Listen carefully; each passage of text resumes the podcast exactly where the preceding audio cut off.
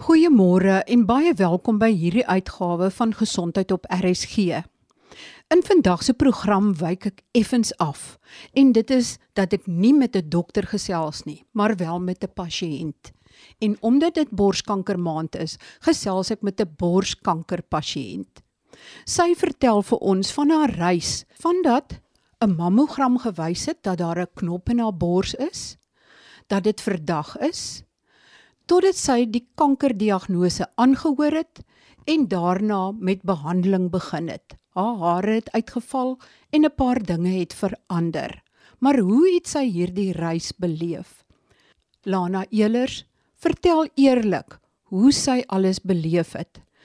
Sy is die ma van twee grootdogters, een getroud, een byna getroud. En sy vertel ook hoe haar familie en vriende en vriendinne hierdie diagnose en haar behandeling beleef het. Luister gerus, want dalk is jy in dieselfde bootjie, want 1 uit 8 vroue wat nou na hierdie program luister, gaan in hulle lewenstyd met borskanker gediagnoseer word. En hoe vroeër dit opgespoor word, hoe beter kan dit behandel word en hoe groter is die kans op oorlewing. Maar kom ons luister na Lana se reis. Lana, was dit onverwags toe jy gediagnoseer is met borskanker?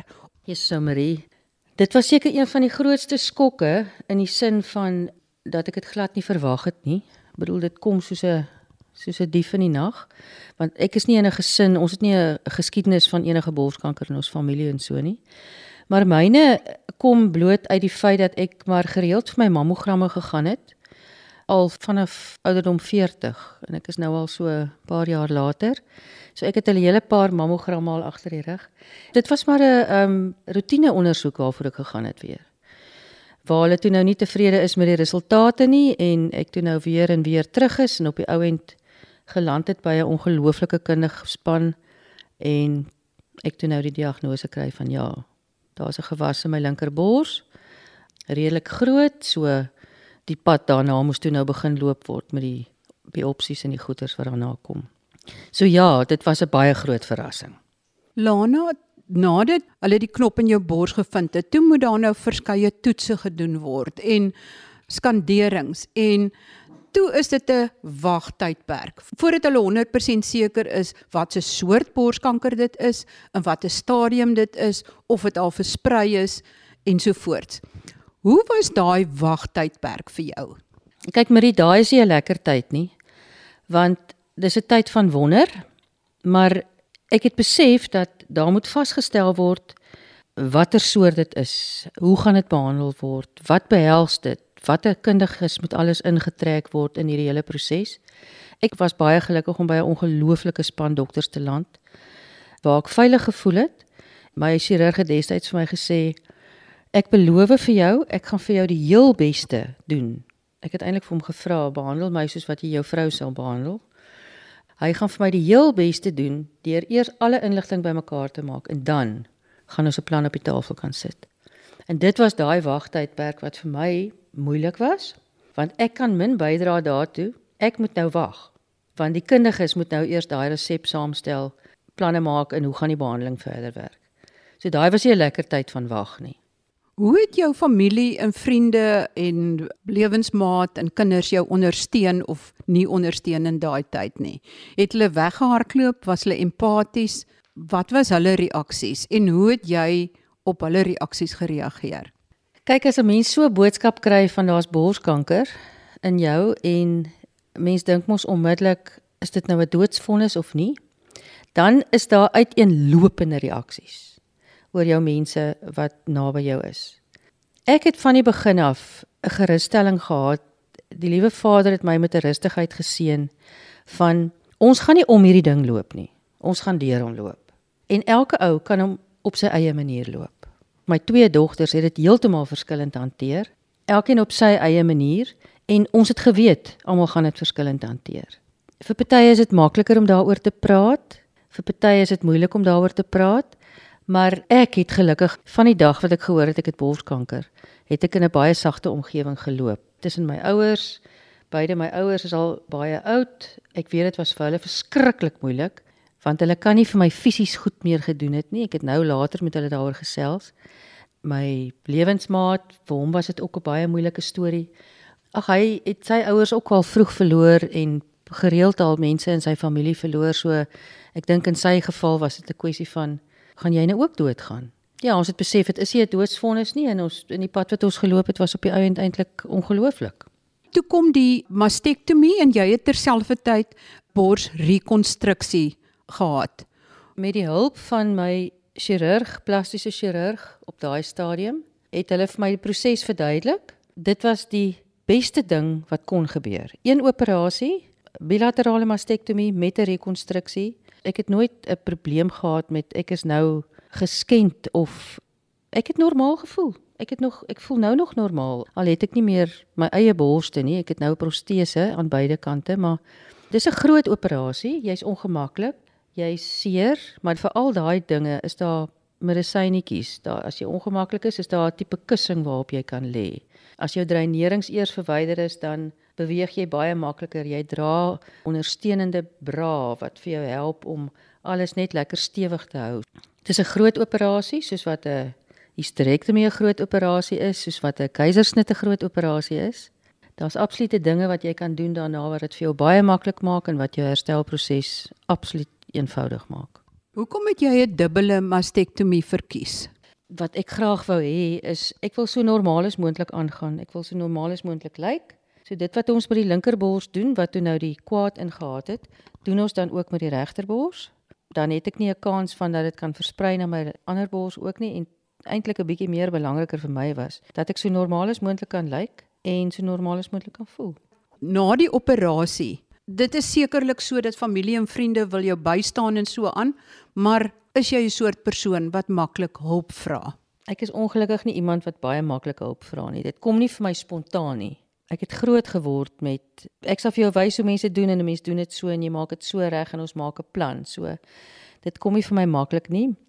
Maar ek moes dit baie vinnig leer want dit is tot jou eie voordeel. En dit is fyn, jammer vir die Engels, dit is fyn om nie alright te wees nie. Daar is 'n rede hoekom jy nie vandag kan opstaan nie. Daar's 'n rede hoekom jy fisies vandag nie goed voel nie. Daar's 'n rede hoekom jy emosioneel vandag nie goed voel nie. Daar's borskanker is verwyder, jy's nou op die beter word pad.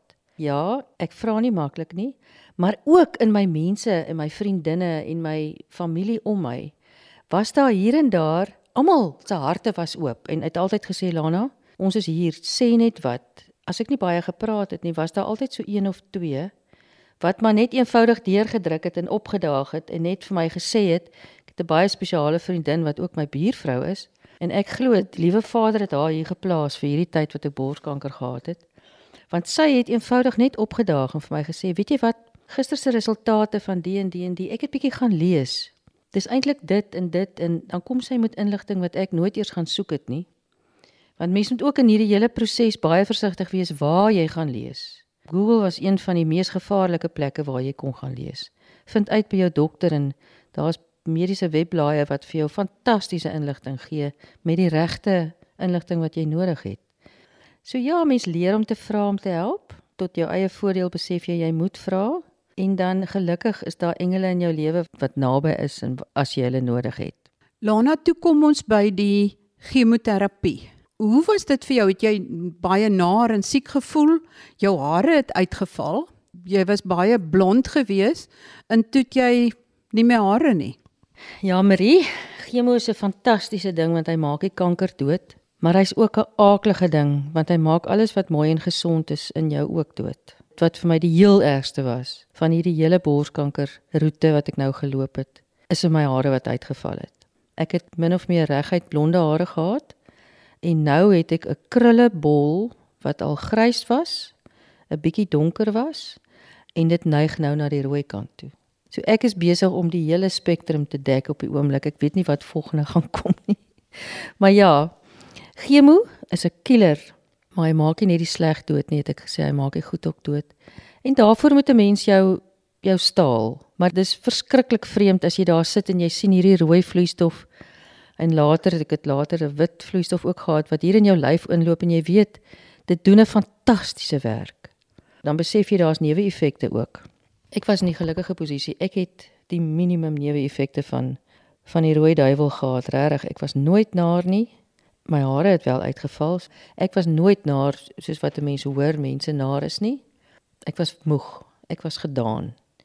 En daar moet 'n ander woord in ons woordeskat wees vir die woord moeg wanneer dit kom by chemo want ek het moeg geassosieer met hard oefen of baie laat werk of onder druk wees, maar hierdie moegheid is 'n ander moegheid. Dis 'n sielsmoegheid. Hy kom so van jou skouers af en hy hy verlam jou net tot by jou bene. Jy moet net leer dat dit is fyn. Dit is so, dit is 'n neeweffek so vinniger jy daarmee vrede maak en dit hanteer en deur dit gaan dat dit absoluut die beste vir jou is. Dis al wat belangrik is. Ek bedoel, as jy dan nou sleg voel, lê. As jy te moeg is vir iets, dan word gebeur dit nie nou nie, dan gebeur dit later. 'n Ding van hierdie hele borskanker is tyd. Tyd het vir my 'n hele ander betekenis gekry. Dis goed om te wag soms. Dit jy hoef nie altyd haastig te wees nie. Alles hoef nie vinnig te gebeur nie. Want om ons word ons gekonfronteer met move. Dit moet nou gebeur. Hoeveel het jy vandag gedoen? Het jy niks gedoen nie? Jogg, regtig? In hierdie hele proses is daar baie tyd wat stil staan wat jy moet tot jou voordeel gebruik. As jy nie kan rondbeweeg en stap vandag nie of jy kan nie daai koffiedייט maak wat jy al 2 weke gelede met iemand gemaak het, jy het nie vanoggend die krag nie. Dis oukei, okay, dis doodreg.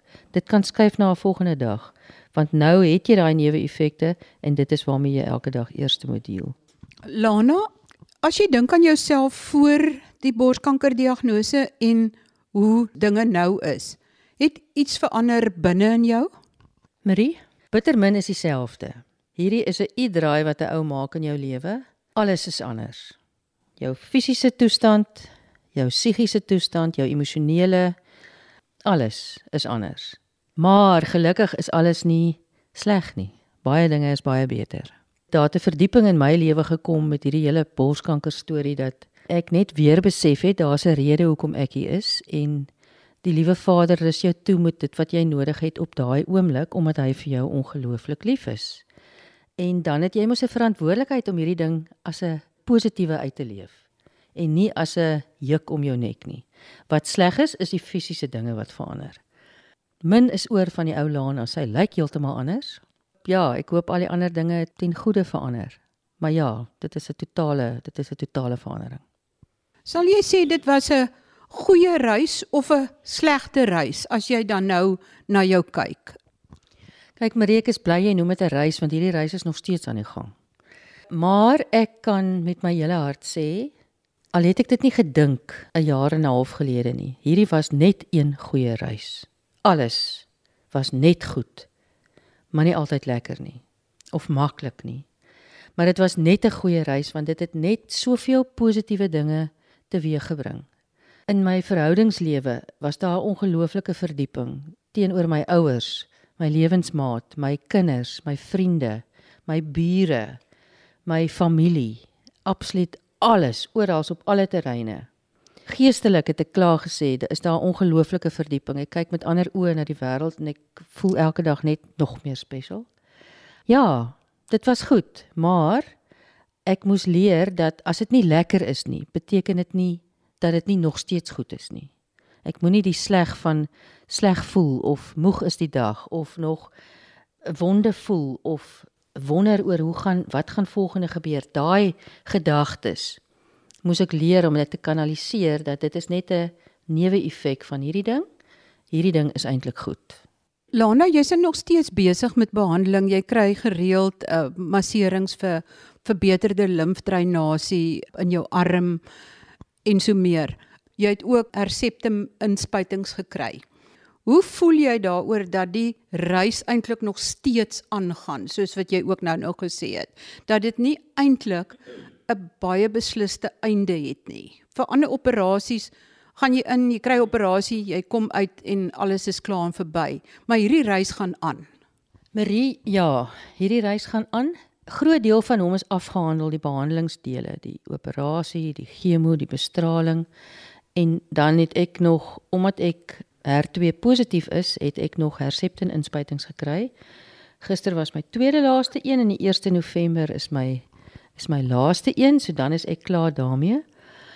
Hierdie pad met borskanker is nou is ek nou eintlik mos in remissie. Ons sê mos nie meer ons is in remissie, ons sê there is no evidence of the disease. Maar hy's nie klaar nie, hy gaan vir my res van my lewe deel wees van my. Ek bedoel ek gaan net op verskillende maniere daarmee deel. Hierdie Here borskanker paadjie is vir die res van my lewe deel van my. Alhoewel ek nie meer noodwendig gaan inspuitings kry en 'n operasie hê of wonde hê of gaan die limfdreinering vir die res van my lewe deel van my wees gaan seker 'n bietjie afskaal by tye, hopelik, maar dis daar vir die res van my lewe.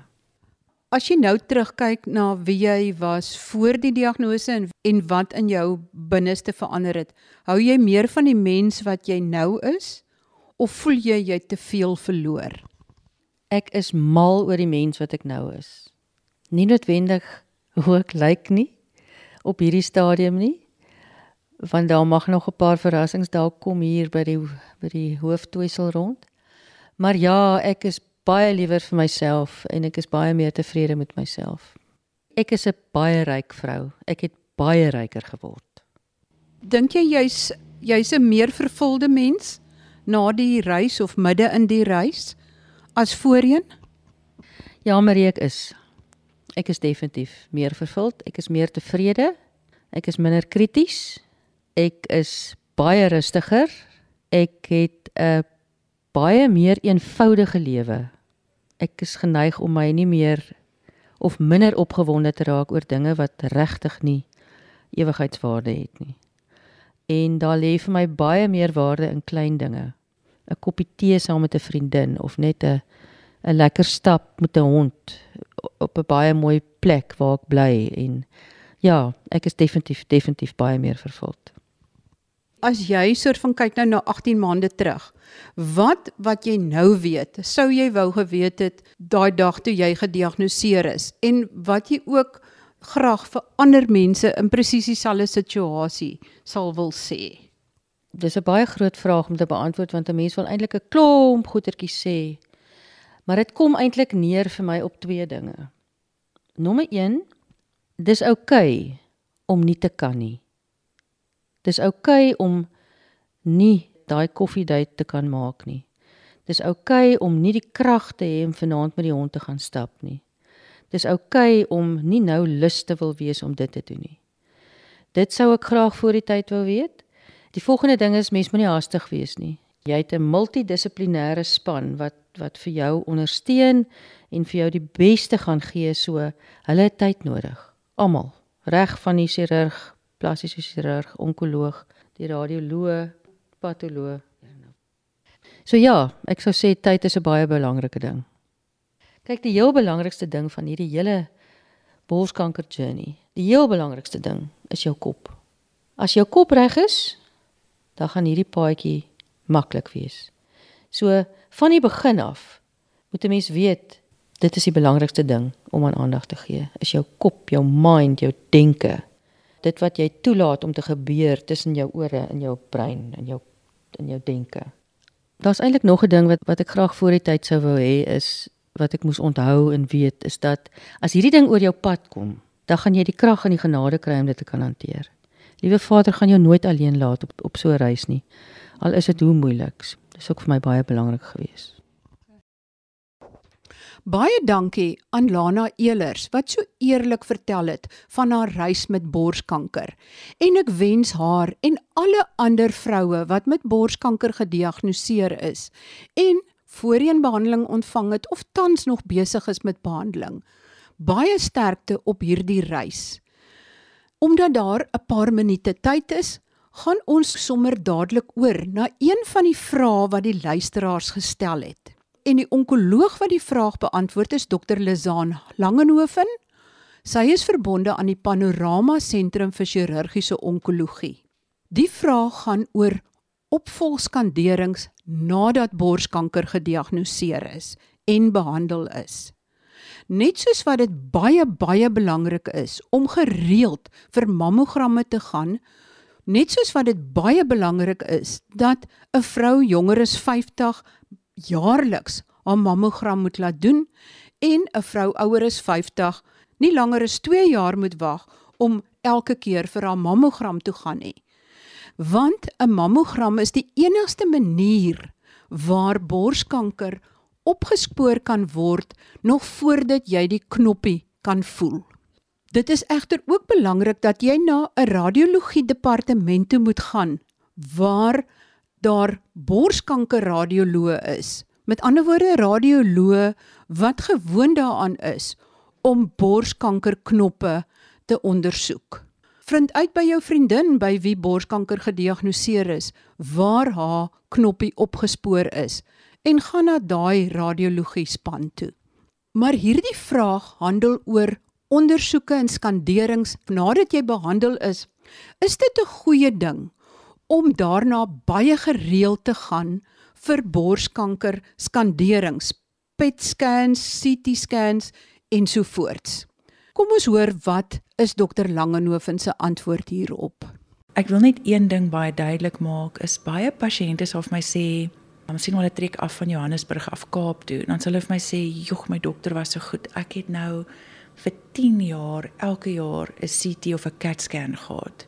Dan rol my oë so bietjie in my kop want ons weet dat blootstelling aan herhaalde CT-skanderings weer 'n kanker kan veroorsaak. So vir elke 20 na 30 CT-scans wat ons doen, is daar 'n moontlikheid om een kanker te veroorsaak, veral van die skildklier, veral van die die ander bors. So ons sien dat mense wat byvoorbeeld longsiektes het en gereeld skanderings ondergaan vir hulle longsiekte borskanker ontwikkel. En baie keer is dit die triple negatiewe tipe. So ek dink 'n mens moenie altyd dink meer is beter nie. Dink 'n mens moet regtig besluit wat dit is waarna jy kyk. Wat is die risiko wat ons hanteer? Wat is die karakter van die kanker? En word gelei deur jou dokter se aanbeveling. Baie vrouens wil net petskanderings hê maandag tot Vrydag, maar ons kan nie net omgaan met bestraling op hierdie manier nie. Ons moet verantwoordelik omgaan met bestraling. Ek byvoorbeeld het nog net een skandering, 'n CT skandering in my lewe gehad omdat dit regtig sterk aangedui was. Ek sal nie byvoorbeeld as my kind uh, 'n besering opdoen net oorgaan na CT skandering nie. Ek sal altyd eers probeer om 'n gewone ekstraal te doen of 'n kliniese ondersoek. En ons leef in hierdie wêreld waar ons altyd dink tegnologie is net beter, maar ons is nie altyd bewus van die inherente gevare van tegnologie nie. So pasop daarvoor om te glo dat meer skanderings beter is.